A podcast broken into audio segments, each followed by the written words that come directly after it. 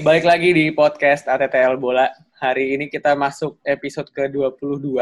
Seperti biasa ada gue Adit, ada Fari, Halo, dua-dua apa dua-tiga sih? dua-dua. Dua-dua Temen kita Halu yang ngomong dua-tiga. Asal, gue asal nyebut. Nyebutnya. ada Kemal. Sebut asbun. Weh, tumben disebut kedua biasanya Iya. terakhir. Kalau kata Kemal Iya, iya. episode 23 hari ini. Dan ada Dondi. Halo. Biar variasi aja. Jadi biar nggak kaget. Oke. Ya. Jadi eh, Manchester United langsung nyebut klub aja lagi. Oh, United menang Gampang 2-1. lagi menang ya. Disebut Tumben, ya. tumben. Dua game berturut menang. Cuman gue curhat dikit sih. Jadi eh, dua game kemarin kan gue nonton ya. Lawan Newcastle nonton, lawan PSG nonton gitu kan. Cuman yang pattern yang terulang adalah satu-satu menit 80 gue ketiduran. Jadi tidak melihatkan momen-momen menariknya gitu. Lu nonton gak, Pak? Enggak, tapi intinya adalah kalau lo ketiduran United menang, Matt. Udah itu aja. Mesti sering-sering ya. Malah Masih gue yang nonton. ketiduran. Wah, lu nonton mal? Nonton nggak full sih. Gue males banget mau nonton, sumpah. Satu Wah, babak anjir. full, babak duanya setengah juga. Cuma sampai 60-an. Liverpool ntar nggak usah nonton lah mal. 80 gue tinggal. Ah udahlah ini mah seri aja. Eh gue nggak tahu kalau ternyata menang. Cuman Tapi pemainnya, tapi PSG gue ngeliat materinya kayak nggak nggak seserem dulu dah. Banyak pemain-pemain muda. Pemainnya ya, pemainnya banyak yang covid, cuy. Ah siapa aja? Banyak eh kemarin siapa ya? Pokoknya ba- agak pokoknya kalau nggak salah 11 pemain deh nggak sebenarnya nggak fit buat ma- buat lawan United. Dipaksain. serius. Iya. Coba kepo. Nah, ini- Oh iya banyak. Eh, Tapi di di di benchnya masih ada Marquinhos, kenapa nggak dimainin ya? Marquinhos terus nggak fit kali. Ya mungkin Iya kali ya. ketemu tim mediocre. Baik. Iya. Mampus. Underestimate. Cuma lu lihat cara main, maksudnya nggak kelihatan kayak dua tim gede gitu. MU kayak Iya. tim baru main Liga Champion gitu masa sih? Gua Lah, ngeliatnya emang, kayak. emang iya kan? Itu memang Iya, baru iya. lagi, Pak. Emang baru lagi. Iya, Iya, tapi-. Tapi Tapi gitu ya, ya, gitu ya. Iya. gue malah gue malah ekspektasinya lebih PSG PSG kan ya habis jadi finalis masa tahun ini nggak mau uh, habis-habisan sih atau kayak membuktikan bahwa mereka nggak beruntung lah uh, finalis tahun lalu eh, di di liga domestik juga lagi kayak kan dia tuh Iya, tapi emang bener bener bener kayak apa ya pertandingan antara dua tim mediocre sih sebenarnya. Meskipun dari apa namanya sebatas yang gue ya, sampai gue ketiduran di menit 80-an itu, itu bisa dibilang oleh tactical masterpiece sih. Meskipun dengan dengan apa namanya dengan stipulasinya adalah PSG juga sebenarnya nggak bagus-bagus banget, harusnya bisa lebih Ya. bagus gitu. Ya, secara taktikal ya dia karena tahu kapasitas kali cuma bisa segitu ya dia mainnya lebih nunggu. Cuma kan gue lebih eh, walaupun PSG nggak maksimal tapi gue ngeliat tuh kayak PSG sebagai tim yang udah langganan Liga Champion dan lebih ngedikte main sebenarnya. MU kayak ya kayak kelas-kelas Dinamo Kiev gitulah. Nunggu nyari counter, Main- diserang, Conte, Iya iya iya. bola, coba Gitu. dorong ke depan gitu. Emang sesuai title tim mediocre. gitu. Iya. Ya. Sama Ternyata ini ada di fase itu sekarang. sebenarnya yang yang yang gue agak kaget adalah eh, bukan kaget performance ya, maksudnya soal Tuan ZB kan. Tuan ZB ini kan bisa dibilang salah satu one of the highest regarded young player sebenarnya kan dari United sebenarnya. Hmm, hmm, Ya kan? hmm. Dan bahkan setelah eh, melakukan performance yang bisa dibilang bisa keep up dengan semua pemain PSG yang ada itu langsung di langsung dinaik naikin namanya gitu. Lu ngeliatnya gimana pak? Kan gue dari kemarin-kemarin gue udah bilang lawan JB tuh bagus banget sebenarnya. Kuncinya tuh di dia. Itu dia ibaratnya apa ya? Kalau sama Harry Maguire ya gue jauh lebih milih Tuan JB lah karena menurut gue back itu nggak nggak perlu yang nggak perlu yang apa ya nggak perlu yang kayak a whole package banget kayak si Maguire gitu loh. Maguire kan digadang-gadang whole package kan, ya bisa Hmm. pegang bola, bisa nyundul bola atas, terus tackle juga bagus. Tapi yang sebenarnya yang Tuan JB menang tuh fighting spiritnya sih. Kalau gue ngeliatnya dari fighting spiritnya itu menang banget sih si Tuan JB. Jadi mending pakai Tuan JB lah. Udahlah, Tuan JB Bailey nah hancur dah tuh belakangnya kan. Mentalnya mental ini ya, underdog ya. Iya, mentalnya mental ribut doang. Mental gaprak tuh maksudnya. Sama yang gue kaget itu sebenarnya pas lihat tiba-tiba dikeluarin starting line sampai main 3 back sih. Ya, yang di mana? Sebelumnya juga tiga back kan yang lawan Newcastle tuh.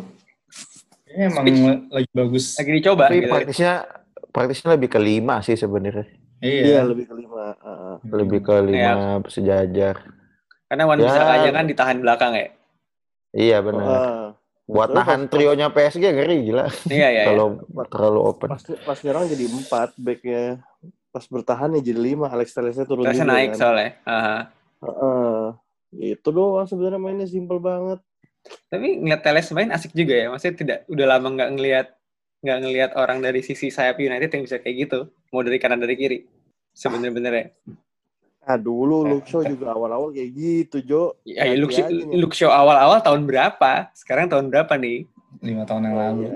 Masya Allah. Iya, Waktu udah lama. pantatnya masih masih langsing. Nah, aneh di mana juga kalau Nggak bisa Shaw patut langsing dari dari awal juga ada bongsor. udah bohong udah udah semok gitu pantatnya dari dulu anjir Eh, Sama yang yang yang agak yang agak berbeda ngelihat Bruno main di agak lebih ke kiri kan banding biasa main agak di tengah gitu. Jadi Hmm. benar-benar secara taktikal beda. gitu. Awal-awal agak agak-agak apa ya hati-hati banget gitu ya kan. Cuman udahlah biar nggak ngebahas lebih panjang, gue sebenarnya lebih menarik tuh bahas Merseyside Derby kemarin. Wah, iya. Kan? Biar be- ini biar balance, Asu, biar balance. Asu. gue melihat DCL terbang bos gitu aja ya sih mantap anjir. Cuman kuncinya tuh sebenarnya ini yang bikin yang bikin Everton agak di atas angin gitu kan sampai akhirnya Calvert Lewin golin Jordan Pickford. Kiper Itu, Tarkam memang. itu kiper tangan pendek jadi pakai kaki Eh, karena dibilang dinosaurus.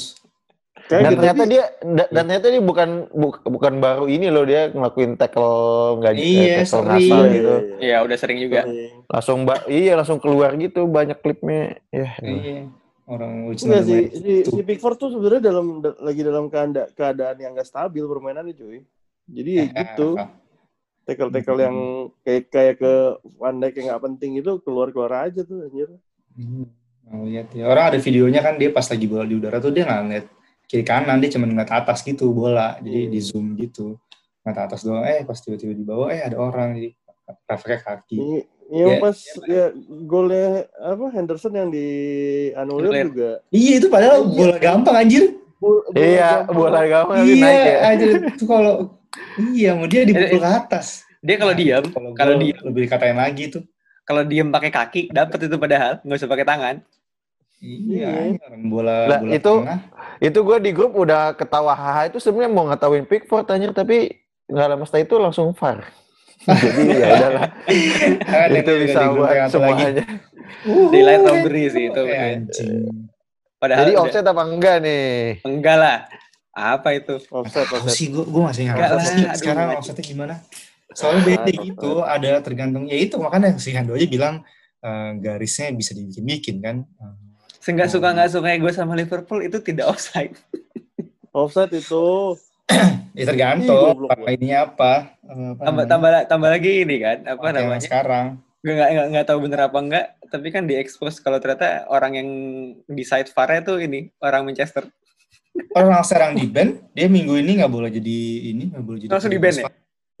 Iya seminggu doang tapi tapi ya soalnya ada beberapa pertandingan yang dia juga eh, yang divisi bawah juga dia ah, salah juga keputusannya gitu. Jadi ditegur lah ini udah klimaksnya. Tapi ya seminggu doang aja Oh gitu. Itu satu bukan doang satu satu game week doang. bukan pertama kalinya ya dia kena ya. bukan bukan. David Cott tuh udah lama udah banyak ini Oh, dia gitu. video-videonya.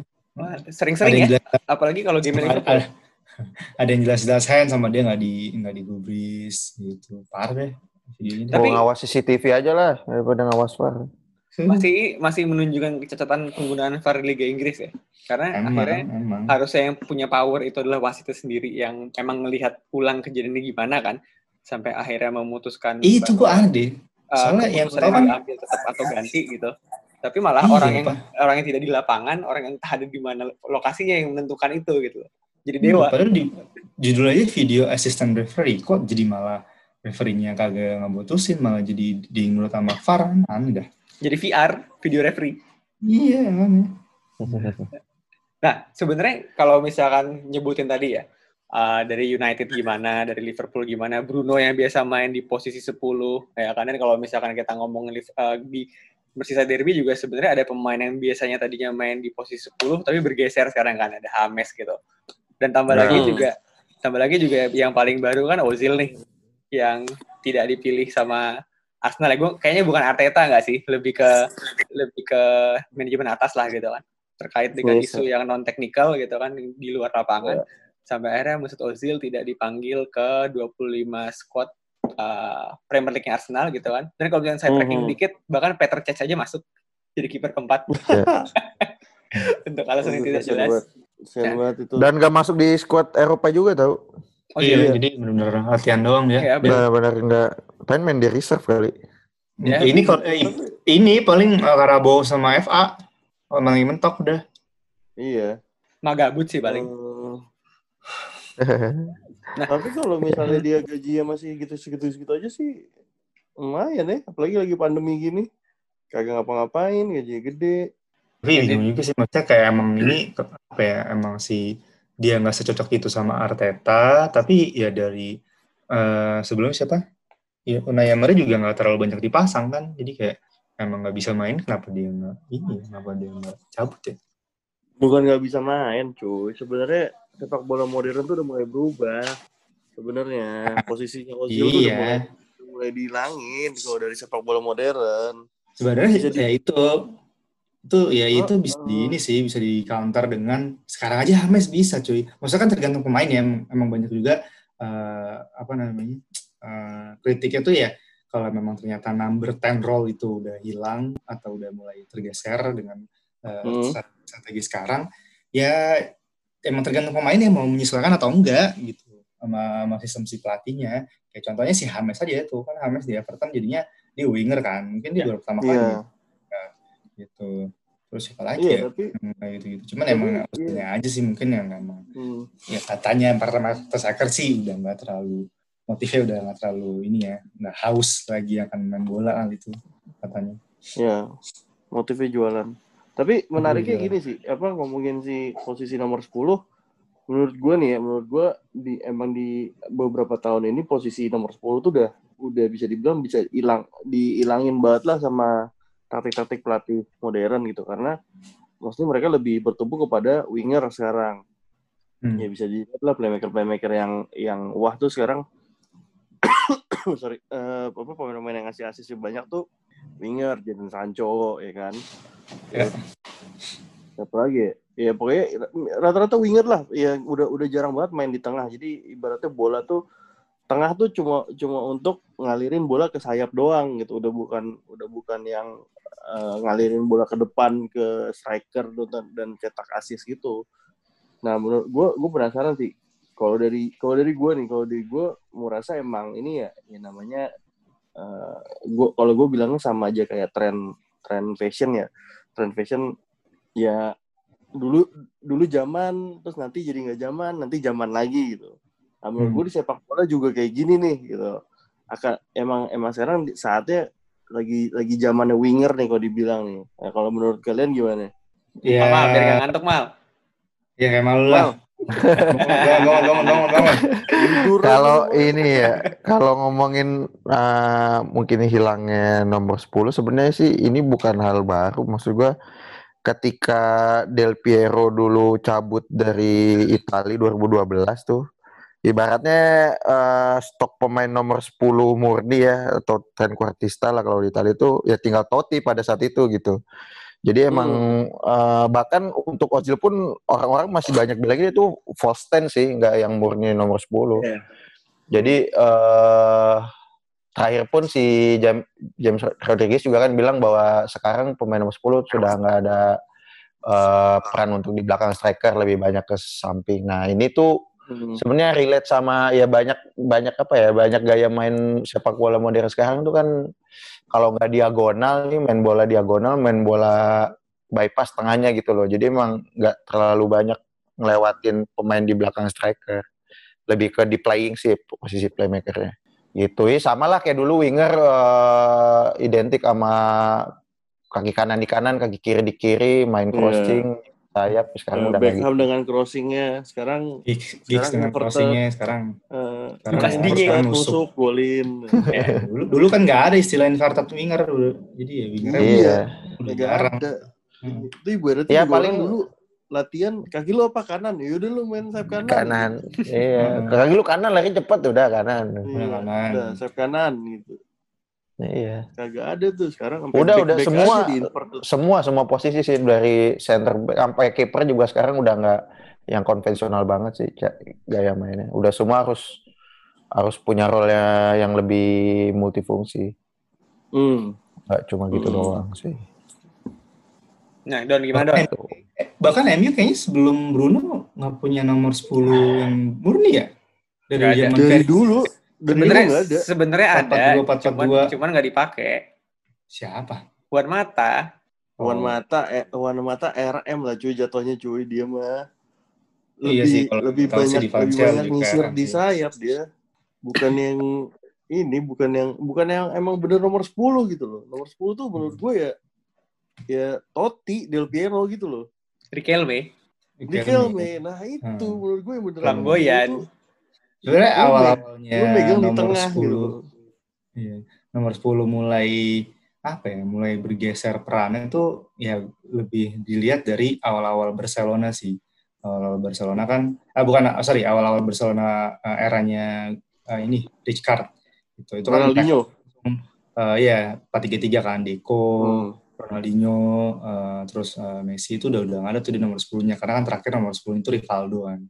Hmm. Udah dari situ udah mulailah tuh uh, diikutin sama uh, Mourinho punya 4-3-3-nya juga di Inter sama sebelumnya di Porto, uh, Chelsea. Di Chelsea juga dia kayaknya sas, ini dia uh, satu, apa orang pertama yang ngebawa 4-3-3 sih kalau di Liga Inggris kalau menurut gue yang gue tahu kan pas dia masuk tuh langsung dibawa Robin, Demenda, terus Joko, Hmm. 4-3, Drogba, Makalele gitu-gitu. Jadi emang uh, saat itu masih Liga Inggris setahu gue masih 4-4-2 ya. Liverpool aja waktu itu zaman itu uh, masih Owen sama Heskey depannya. Kanannya uh, Hmm. Smith kirinya Berger tengahnya Gerrard sama Murphy. Itu jadi emang belum belum mulai tuh baru mulai tuh di era-era pertengahan 2000-an lah. Itu ya udah makin ke sini yang 4-3-3 bahkan 3-5-2 udah mulai balik lagi di bawah konteks ke Liga Inggris. Terus sekarang diadopsi juga sama MU nih beberapa pertandingan terakhir terus si apa, Arteta pun juga sekarang udah Arsenal juga pakai ya. Tiga empat tiga gitu. Jadi emang ya nah, ya itu karena emang secara tim uh, permainannya udah lebih modern dan lebih mengandalkan speed uh, di sisi sayap untuk uh, menus- menusuk ke kotak penalti ya udah akhirnya nomor 10 ya. Jadinya udah lebih ke tergeser lah udah jadi lebih minggir lah jadinya role yang dibutuhkan sangat sangat sangat dibutuhkan adalah winger uh, yang ya inverted lah lebih banyaknya gitu Iya. Ini kalau ngomongin ini sih ya, le- tadi kan gue sempet mention soal role. Jadi emang eh, sekarang mungkin ya, mungkin di kurikulum eh, UEFA Pro-nya juga lebih Anjir, banyak kurikulum. lebih banyak ngomongin soal role gitu loh, kayak Pirlo yang lagi banyak diomongin kan. Jadi dari referensi yang gue baca tuh emang eh, kurang lebih ada empat lah, ada empat eh, jenis pemain nomor 10 nih. Hmm. Yang pertama mungkin gue boleh nyebut tuh eh, model kayak Dele Ali. Dele Ali tuh dia eh, disebutnya kayak midfielder forward hybrid. Jadi dia lebih banyak main di belakang striker, cuma eh, ada peran untuk nyetak gol juga. Nah, terus yang kedua juga mungkin ada second striker. Nah, itu kayak Joshua King tuh. Joshua King tuh kayak mirip-mirip kayak mirip-mirip nomor 9 tapi yang agak di belakangnya nomor 10 gitu. asli loh. asli Eh, gue tadi main carrier pakai Bournemouth 4-4-1 emang iya kan? Bournemouth Nah, di belakang Solanki Asli, Satu enak lagi mungkin ini nggak ada peran untuk uh, kreativitas tapi uh, bisa dibilang ini juga salah satu peran nomor 10 itu defensive forward kayak Okazaki lah tuh. Jadi dia. Oh. posisinya di depan tapi memang bukan bukan role-nya bukan untuk uh, create uh, peluang sih. tapi ya nutup nutup ini lah ya nutup pergerakan di, di depan lah ya Buat press. Ya dia press. buat ini sih lebih Press ke buat press. transisi, lebih ke buat Hmm. transisi kalau serangan balik tuh dia model Yang defensive forward sih. tengah depan ya Iya, karena dia pasti akan turun deep abis itu buat transisinya langsung cepet ke depan. itu lagi gitu. Jadi emang udah udah nggak ada yang kayak Rui Costa, Zidane, Kakak tuh Iya. kayaknya udah yang flamboyan flamboyan gitu udah nggak terlalu ini sih. Karena akan nempelnya akan jadinya kayak pemain pemalas gitu nggak sih? kayak cuma Iya, kan. nunggu gua deh, buat nanggung. iya Nunggu sedangkan sekarang harus kolektif banget mainnya Ya itu mungkin salah satu yang bikin Ozil susah juga buat masuk tim Arsenal ya karena emang kalau gue perhatiin Arsenal ya itu formasinya dia tiga empat tiga kalau nyerang jadinya empat tiga tiga gitu Eh, agak susah Hmm. juga untuk nyari di tengahnya bahkan dia sekarang pe- pemain tengahnya banyak banget tuh baru datangin Thomas Partey lagi kan dia emang dia fokusnya ya di DM sama CM itu Sebenarnya gue ngeliatnya nyambung sama ini sih. Maksudnya dari perkembangan taktikal juga ya. Karena kan awal kayak di akhir 2000-an, awal 2010 kan lebih shifting. Maksudnya udah udah mulai uh, geser ke antara 4-2-3-1. Benar-benar perkembangan dari antara 4-3-3, 4-2-3-1 kan. Yang di mana Hmm. space-nya tuh kan jadi makin kecil ya. Defense juga makin compact gitu. Nah, ketika uh, defense itu compact, makanya kayak gaya model Barca itu sangat jalan kan dengan short passing Hmm. yang sangat bisa bilang apa namanya sepak bola cantik lah gitu. Cuman kan lama-lama kan eh, makin ke sini makin geser nih, makin direct gitu loh. Jadi makanya akhirnya peran si nomor 10 sendiri ya jadi makin terkikis gitu. Makanya kayak bener-bener misalnya kayak eh, Liverpool ambil Thiago kan bisa dibilang ya padahal awalnya kan kita ngeliat Thiago tuh kayak tanda kutip agak nanggung ya kan dari zaman dia awal-awal Hmm. di Barca gitu. Cuman lama-lama dengan perkembangan taktikal yang baru, ya malah malah makin naik gitu. Karena malah role-nya Iya. ya makin Yang- fungsional benar benar-benar gelandang tengah yang jadi tanda kutip fasilitator ya. Fasilitator itu bukan berarti bukan berarti fasilitator untuk uh, direct uh, bisa dibilang menghasilkan asis lah misalkan dari operannya, tapi lebih buat Dia ngebuka, ngebuka ruang baru iya apa ya lebih, istilah is- lebih tinggi harganya. iya apa ya istilahnya ya pokoknya satu as, satu satu umpan sebelum asis lah itu Hmm. lupa tuh Kipas ya, kipas kipas. sih? Kipas ya? Nah, key iya. Tuh. Anjir, ya. Itu yang jadi Itu dihargain kan. Itu kan key passesnya dia tuh. Sama ini lagi Iya. apa?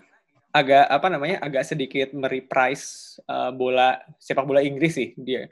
Benar-benar era-era awal Premier League kan, karena kan jauh lebih direct sekarang.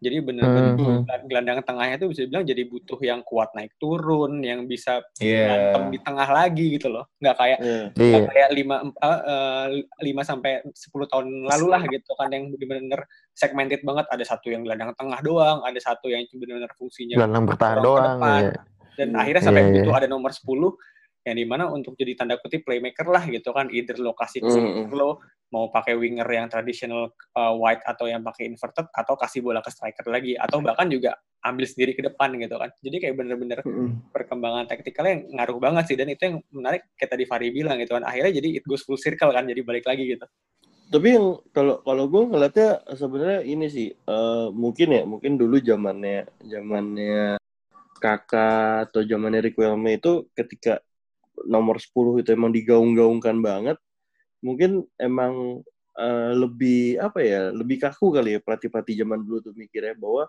ya tiap pemain itu punya tugasnya masing-masing dan saklek dengan tugasnya gitu. Iya, Jadi, betul. nomor 10 nih, nomor 10 ya udah lu lu playmaker gitu. Lu lu apa lu lu bikin permainan mengalir dan kalau lu bisa cetak gol, cetak gol gitu. Nah, be- apa eh, lu misalnya lu gelandang bertahan ya udah lu pokoknya defense eh, sikat kaki orang gitu. Nah, kalau sekarang sih di di sepak bola sekarang menurut gue lebih kayak lebih fluid gitu loh, kayak semua pemain tuh hampir punya tugas yang sama.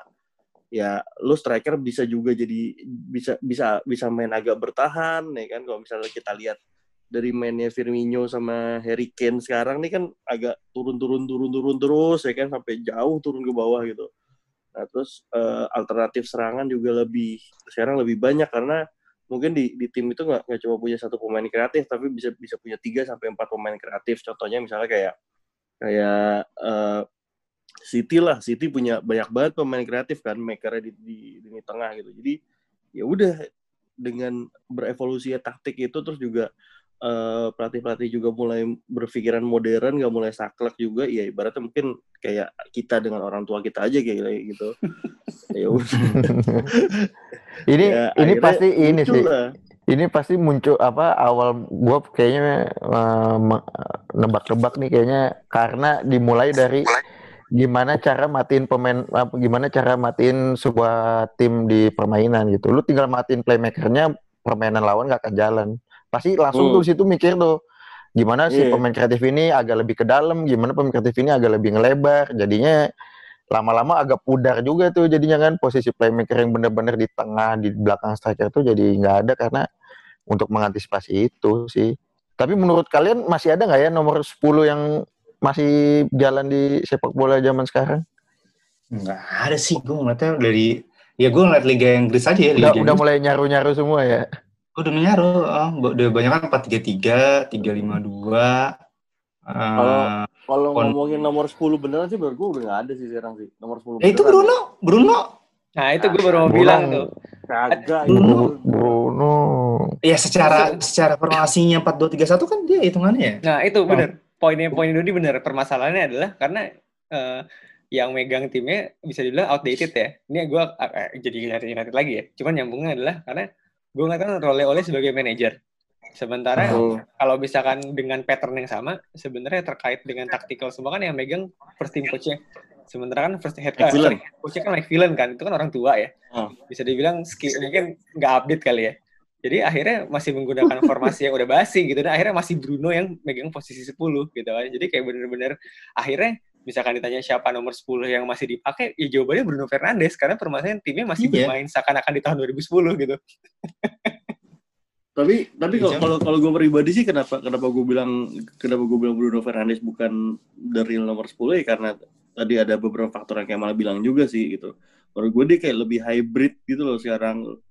Apa ya? Gue gue ngeliat gue ngeliatnya tuh dia nggak nggak semegang nomor 10 nomor 10 yang di zaman dulu lah gitu kayak Totti, eh, Riquelme itu kan bener-bener kayak anjir di orang megang banget di lini tengah gitu. Even kakak Iya. lah kakak kakak tuh yang paling terakhir yang mungkin nomor 10 yang kita lihat gitu ya, yang dari nomor 10. Beneran megang di tengah. Bruno tuh menurut gue belum belum segitunya gitu. Mainnya masih Iya. nah, iya masih apa ya? Masih hybrid antara eh gue ngeliatnya mungkin kayak mau winger cuma speednya nggak ada gitu kan. Mau nomor 10 juga masih doyan ke pinggir-pinggir, doyan ngelebar banget. Jadi menurut gue Bruno nggak terlalu nomor 10 banget sih. Ya Hmm. mungkin Bahkan Secara secara permainan atau secara gaya emang nggak kayak nomor Iya, 10 pada mendekati, zaman. mendekati nomor Iya, 10. cuman secara formasi Sama strategi timnya ya, dipakainya di nomor 10. ya, itu itu nomor isunya. 10 gitu. Iya. Heeh. Karena kalau spesifik di ngomongin ah, di, gimana gimana? di di Italia aja yang gudangnya trequartista gitu ya, gu- gudangnya tempat pemain nomor 10 dulu pada berkarir, udah nggak ada lagi kalau bisa dibilang ski. Udah siapa Iya, maunya iya. gua kalau ngeliat tim-tim gede aja sekarang di Juve sekarang yang dimaksimalin perannya Ramsey walaupun dia di belakang Iya. striker ya cuma ya nggak nggak main di tengah juga dia lebih fluid Iya. aja main ke lebar juga 351. Milan Inter nggak ada Inter nggak ada, Inter juga. Ya Inter sebenarnya Erikson pun nggak Erikson pun nggak kepake kan di Inter maksudnya nggak bukan yang pemain kunci iya, juga bukan kan? yang inti. Kemarin tuh kan Iya. Barella derby tuh dia pakai Barella di ini. Jadi di Barella di 3412 Barellanya sebagai AM tapi ya lebih fluid ya. Turun bisa, naik Dia bisa. mah kayak ini Barella mah kayak Gerrard waktu zaman Torres nggak sih? Iya, mau jadi tadi. Benar-benar attacking midfielder tapi bukan yang kreatif ya pokoknya. 10. Susah sih nggak ada sih emang kreatif bener kayak umpan-umpan dulu kok apa ya kayak dulu Guti Hernandez tuh wah udah nggak ada sih yang kayak gitu-gitu tuh Iya, Nah, tuh stylish deh. itu. Itu, itu Indonesia tuh yang kayak itu nomor 10. nggak ada. Semua tuh hilang gara-gara zamannya Iniesta dan Xavi tuh. iya ini Sasafi tuh udah hilang tuh Benar-benar. Tapi kalau misalkan cuman cuman waktu Ah. itu mulai ada lagi sih gara-gara si Wesley Snyder tuh itu juga sempat ada lagi tuh emang emang itu emang bener kayak fashion tiba-tiba nggak ada tiba-tiba ada Iya. gitu kan terus Snyder Tapi- di 2010 2011 udah mulai ada lagi tuh AMF Tapi kan nggak nggak lama juga don si Snyder. Emang, emang. lu- emang gak lama dua tahun doang dia di sama Inter. sama Xavi Iniesta ya maksudnya model Iya. permainan Xavi Iniesta sama Snyder ya Snyder bisa di, bisa dibilang di akhir-akhir kejayaan nomor 10 juga sih Iya, gua. sama Udah bareng habis sama gitu. Rafael van der Vaart tuh ya habis eh, anjir Van der Vaart. anjir Van der Vaart Iya, nomor 10. Susah sih emang. Sekarang malah jadi menurut gue lebih arahnya ini loh. Eh, menggantikan perannya eh, apa si nomor 10 itu nomor 6 malah yang sekarang lagi eh, DM Iya. Iya, ya. Iya. Eh, naik tuh DMF Iya, iya, bener iya. single DMF kayak Everton dengan Alannya, Liverpool dengan Fabinho-nya, terus si Chelsea dengan si sekarang Thomas Partey-nya, terus City dengan si Rodri-nya gitu. Emang sekarang peran-peran gitu karena emang itu penyeimbang gitu. Jadi eh, untuk jadi masih 4-3-3-nya itu penyeimbang banget sih si nomor enam. Kok- Kok United nggak disebut sih? United dengan siapa gitu? Sekarang United nggak menggunakan itu. Namanya banyak. Pogba kan? iya, ya, Pogba juga bisa dibilang malah kayak Thiago-nya, bukan kayak Fabinho-nya. Nah, menurut gua. Emang dasar tim tidak punya identitas. Woi, Iya, Fred, gitu. woi, Fred, woi. Tapi Fred keren Fred sih. tapi lebih fluid, fluid menurut gue bukan bukan bukan pemotong kayak Alan gitu. Alan kan buset kaki orang Iya, sangat sih. fluid. Eh, Fred tuh sebenarnya CAM kan. Entah kenapa jadi CAM. Iya. Ah, MU tuh nggak ada yang Klasik United kalau paten, beli pemain tengah Brazil yang tanggung ya, attacking tanggung minded ya. selalu Hmm. dirubah jadi CM atau CDM. Iya. Ah. Kasian ya maunya kayak maunya kan selain Ozil tuh gue ngelihat ada Mata, Mkhitaryan, Godze kayak udah aja gitu redup aja mungkin mungkin Iya. dicoba buat main dengan role yang lebih ngelebar atau lebih deep tapi kayaknya nggak jalan dan Kurang- nggak Iya. nggak Hmm. nyetel jadi ya udahlah ujung-ujungnya MLS paling Iya makanya kan si Godze sempat jadi si Fast Nine Fast Nine itu karena ya dia nomor 10 nggak kepake jadi kayak di, Nah, iya udah dicoba buat cari peran lain kan Bahkan Kagawa juga cuy, sampai dibuang sama timnya. nah iya tuh iya Kagawa bener Kagawa CAM ya dia itu mana ya. Iya, Kagawa tuh ya masih bisa masih bisa dibilang ya tipe mirip-mirip Bruno gitu lah mainnya. Nomor 10 ya pemain-pemain modern yang mendekati nomor 10 zaman dulu ya. Ya ya udah gitu aja emang emang udah udah berubah zamannya sih. Ya, gimana lagi? Ya, kan kita berarti kan tema besar adalah sebenarnya apa namanya eh, taktik sepak bola gitu kan meskipun eh, di masa yang depan di masa yang akan datang itu bahasanya ada taktik baru. Itu kan sebenarnya cuman eh, evolusi dari taktik-taktik yang sebelumnya udah ada ya. Kalau misalkan kita forecasting nih kira-kira 5 sampai 10 tahun ke depan apa nih yang bakal balik dari eh, tren-tren sepak bola yang dulu sempat ada? Dan yang akan balik ntar gue mikir dulu jangan duluan. Kayak paling dekat ya tiga tahun, eh tiga tahun lah ya. Gue lebih ngelihatnya eh, apa ya, Fast Nine Fast Nine ini malah yang menurut gue udah nggak akan terlalu pakai sih. Fast Nine si Fast Nine ini jadi udah makin Palestine tuh yang pakai tim lu doang aja. Iya makanya, jadi karena cuma tim gue doang, akhirnya nggak akan kepake lagi. Jadi akan lebih banyak voucher-voucher semacam Dominic Iya. Terus eh, Rashford, kalau misalkan memang dia dipasang di striker, menurut gue lebih bagus daripada Martial ya. Terus eh, apa ya, Chelsea dengan Werner-nya, kalau memang benar-benar dipasang gitu. Jadi emang lebih ke arah sana sih. Dan mungkin 352 akan lebih, dan dua striker mungkin akan juga lebih berkembang. bakal balik lagi Iya, entah itu 442 atau 352 ya. Gitu. Mhm. Heeh. Kalau gue malah kayaknya yang bakal balik lagi ini loh, tipikal winger konvensional yang main crossing doang sih. nah itu kan Kayaknya sekarang nanti akan enggak kalau sekarang kan enggak dong. Sekarang kan lebih banyak nusuk enggak. atau cutback Oh, lah. wingernya ya ya ya Wingernya Iya. main yang winger benar-benar winger, lu main lebar, terima bola terus crossing karena sekarang kan banyak peran itu diambil sama wingbacknya kan. Wingback, iya Tapi benar-benar.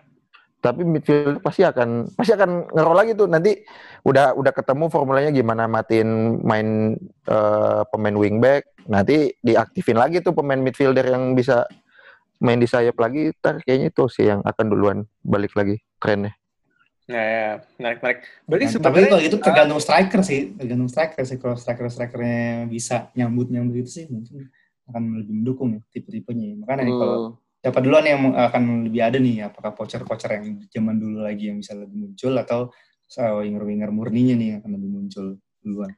yang menarik itu sebenarnya gue pengen tarik kesimpulan dari apa yang Kemal bilang gitu. Jadi sebenarnya perkembangan taktik sepak bola yang ada itu gimana secepat apa sih sebenarnya defense defense yang ada tuh bisa adapt dengan apa yang lagi tren di saat itu gitu loh. iya Iya. Ya, benar. akan muter terus gitu nih ada ada taktik baru nih cari cara Hmm. ngelawannya nanti muter lagi gaya lain cari lagi cara lain dilawan lagi gitu terus nanti pasti Iya. ini belum belum ketemu satu siklus aja nanti ntar juga muter lagi paling nomor menurut 9 gua, nomor 10 duel kayak apa duet yang kayak tadi Don dibilang juga pasti akan ada lagi tuh Kalau menurut gue sih sebenarnya taktik-taktik eh, yang ada di dunia modern sekarang ya sepak bola modern sekarang paling paling lama bertahan tuh paling cuma 2 sampai 3 tahun doang deh. 2 sampai 3 musim lah karena ya dengan kemajuan teknologi menurut gue juga pelatih-pelatih itu lebih ngerti, lebih lebih bisa ngebaca secara analitis juga buat matiin taktik-taktik lawannya sih gitu. Ya bisa dilihat dari sisi dari kayak, kayak Barca lah gitu. Barca taktiknya 4-3-3 cuma jalan paling tiga tahunan habis itu berubah lagi habis itu balik lagi ke 4-3-3 lagi gitu-gitu aja terus ya kan. Di ya apalagi di ya intinya sih kalau menurut gua there's nothing new under the sun lah gitu. Pasti ada pasti ngulang-ngulang aja gitu taktik-taktik ya. Tinggal kapan waktunya aja gitu. Kalau misalnya yang menurut gue paling deket sih menurut gue paling deket sih menurut gue 442 sih yang akan muncul lagi ke permukaan dan ya gue juga berharap kalau bisa kick and rush muncul lagi ke permukaan sih Malah gue malah lebih mikirnya nih kayaknya nih, kayaknya nanti suatu bisa jadi di era modern ini akan muncul lagi formasi kayak sepak bola tahun 30 40-an gitu 424. 2 6 Oh. ya 4 4 2 4 masih mending lah kayak 2 6 2 gitu. Lu main dua Iya, center back, 6 6 lu gelandang lu buat menangin apa positioning di tengah atau gimana? Nggak ada yang tahu gitu walaupun sekarang udah walaupun pakai offset tetap aja bisa jadi. Guardiola coy, Guard- Guardiola juga udah sering pakai formasi aneh-aneh kalau gue lihat gitu tiga Iya. satu. Ya. Mungkin banget itu. Nanti akan ada kayak gitu lagi. Gelandang yang sedikit, striker yang banyak bisa jadi. Guardiola itu pernah, pernah satu tiga tiga tiga juga nggak Ya, satu tiga Iya, tiga tiga. makanya Benar benar benar. kan, makanya pas gue liat live score kok ini aneh banget sih si Guardiola. Iya, su- sukanya yang jadul-jadul. sukanya yang jadul-jadul klasikan Dua tiga dua tiga tuh, dua tiga dua tiga. bajul bajul balap jadul Dua tiga dua tiga pernah ya? Iya dua tiga dua tiga tuh dia. Dua CB, Iya. eh, back tengah, eh, back sayap sebenarnya tapi dinaikin sama Rodri, terus tiganya itu. Eh duanya lagi si Iya. Karena MF, tiganya lagi karena back sama back amat tengah udah udah mulai makin tipis gitu. Ya udah blur. Eh, Karena defensive line makin naik kan. Iya, Oh, tergantung betul. dia, tergantung, tergantung iya timnya dia mainnya eh, lebih ke ball position atau emang tipikal parkir bus jatuhnya kan. Iya. Pemain tengah pun banyak yang defense-nya oke, pemain defense yang attacking-nya oke juga. Ya saling saling nyampur lah. Indonesia sekarang gimana ya formasinya ya? Sintayong.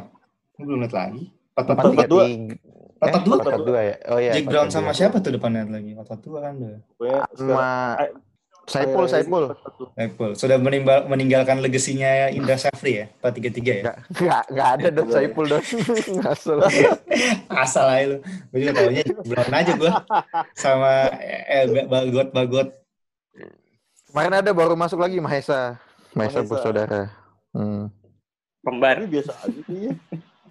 Nggak kembar, kakak beradik, beda setahun Kakak doang. beradik. Kirain. Kita Cibana kan. Terus kira-kira ya, kita kembali ke topik eh, pemain posisi nomor 10 gitu kan.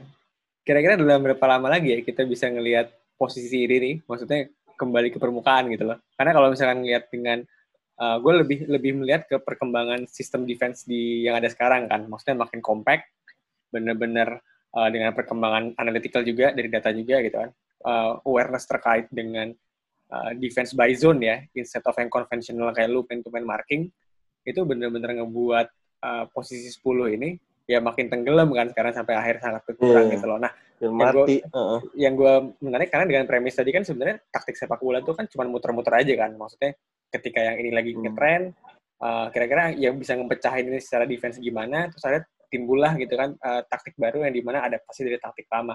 Yang gue yang sangat menarik adalah karena kalau misalkan dengan sistem defense yang sekarang, kan benar-benar nomor 10 tuh benar-benar sangat sangat tidak berguna lah bahasanya gitu kan. Jadi benar-benar lo harus mencari cara lain lah. Cuman kira-kira gimana caranya nanti di masa yang akan datang uh, posisi 10 trequartista gitu kan karena maksudnya kayak kita kan besar nonton bola tuh salah posisi itu sangat yang yang diagung-agungkan kan.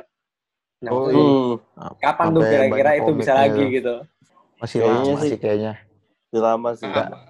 nggak akan kalau kalau kata Fahri dua tiga musim taktikal akan banyak berubah tapi menurut gua nomor 10 yang lu maksud nggak akan dalam dua tiga tahun pasti Iya. Betul, betul. minimal ya lima tahun juga belum tentu sih Nah, gue sepakat Iya. sama. Gue mau ngutip apa yang pernah dibilang sama James Rodriguez di Twitter sih bela- belakangan ini muncul. Eh, itu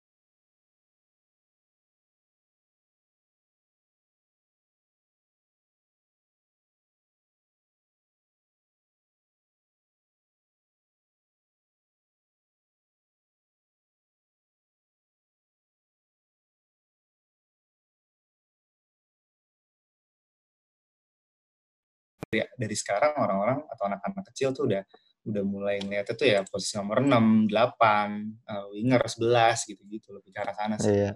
Gitu. Jadi ya Karena untuk untuk defense yang makin compact menurut gua solusinya itu eh, butuh kreativitas bukan bukan makin dekat kotak penalti justru malah makin deep lagi ke tengah sih hmm, buat ngebongkar yang defense compact kayak gitu. Jadi nggak akan kepake untuk dalam waktu dekat ini untuk nomor 10. Yang orang Iya. ya yang kayak Thiago gitulah pasti yang akan banyak di eh, produce pemain-pemain mudanya hmm. buat ngisi role kayak Udah gitu. mulai diprospekin ke arah sana. Ya, berarti udah Hmm. mulai nyari pemain tengah yang tanda kutip Masih. lebih lengkap lagi ya. Jadi kalau misalkan kalau misalkan pemain tengah itu ada tiga spektrum, misalkan ya lo nyerang dari sisi ofensifnya gimana, dari sisi lo ngalirin bola sama lo bertahannya gimana, bener-bener udah nyari yang lu minimal bisa dua dari tiga lagi kan, nggak se Ya. spesifik eh, beberapa tahun terakhir yang di mana ada yang buat nyerang doang, ada yang buat ngalirin bola doang, atau bahkan yang emang buat bertahan doang, model-model Busquets gitu. Betul. Ada yang mau nambahin lagi? Lumayan panjang juga. Udah ya. Oke oke oke oke. Jadi untuk untuk berhentinya berhentinya bukan karena obrolannya habis ya, karena ngantuk. Udah nggak bisa mikir. udah udah udah Oke oke oke. Ya udah paling buat hari ini gitu aja. Kan, thank you buat Fahri, Doni, Kemal. Thank you buat lo juga yang udah dengerin sampai habis. Ah, sampai ketemu di episode selanjutnya. Thank you semua. ini closingannya formal nih.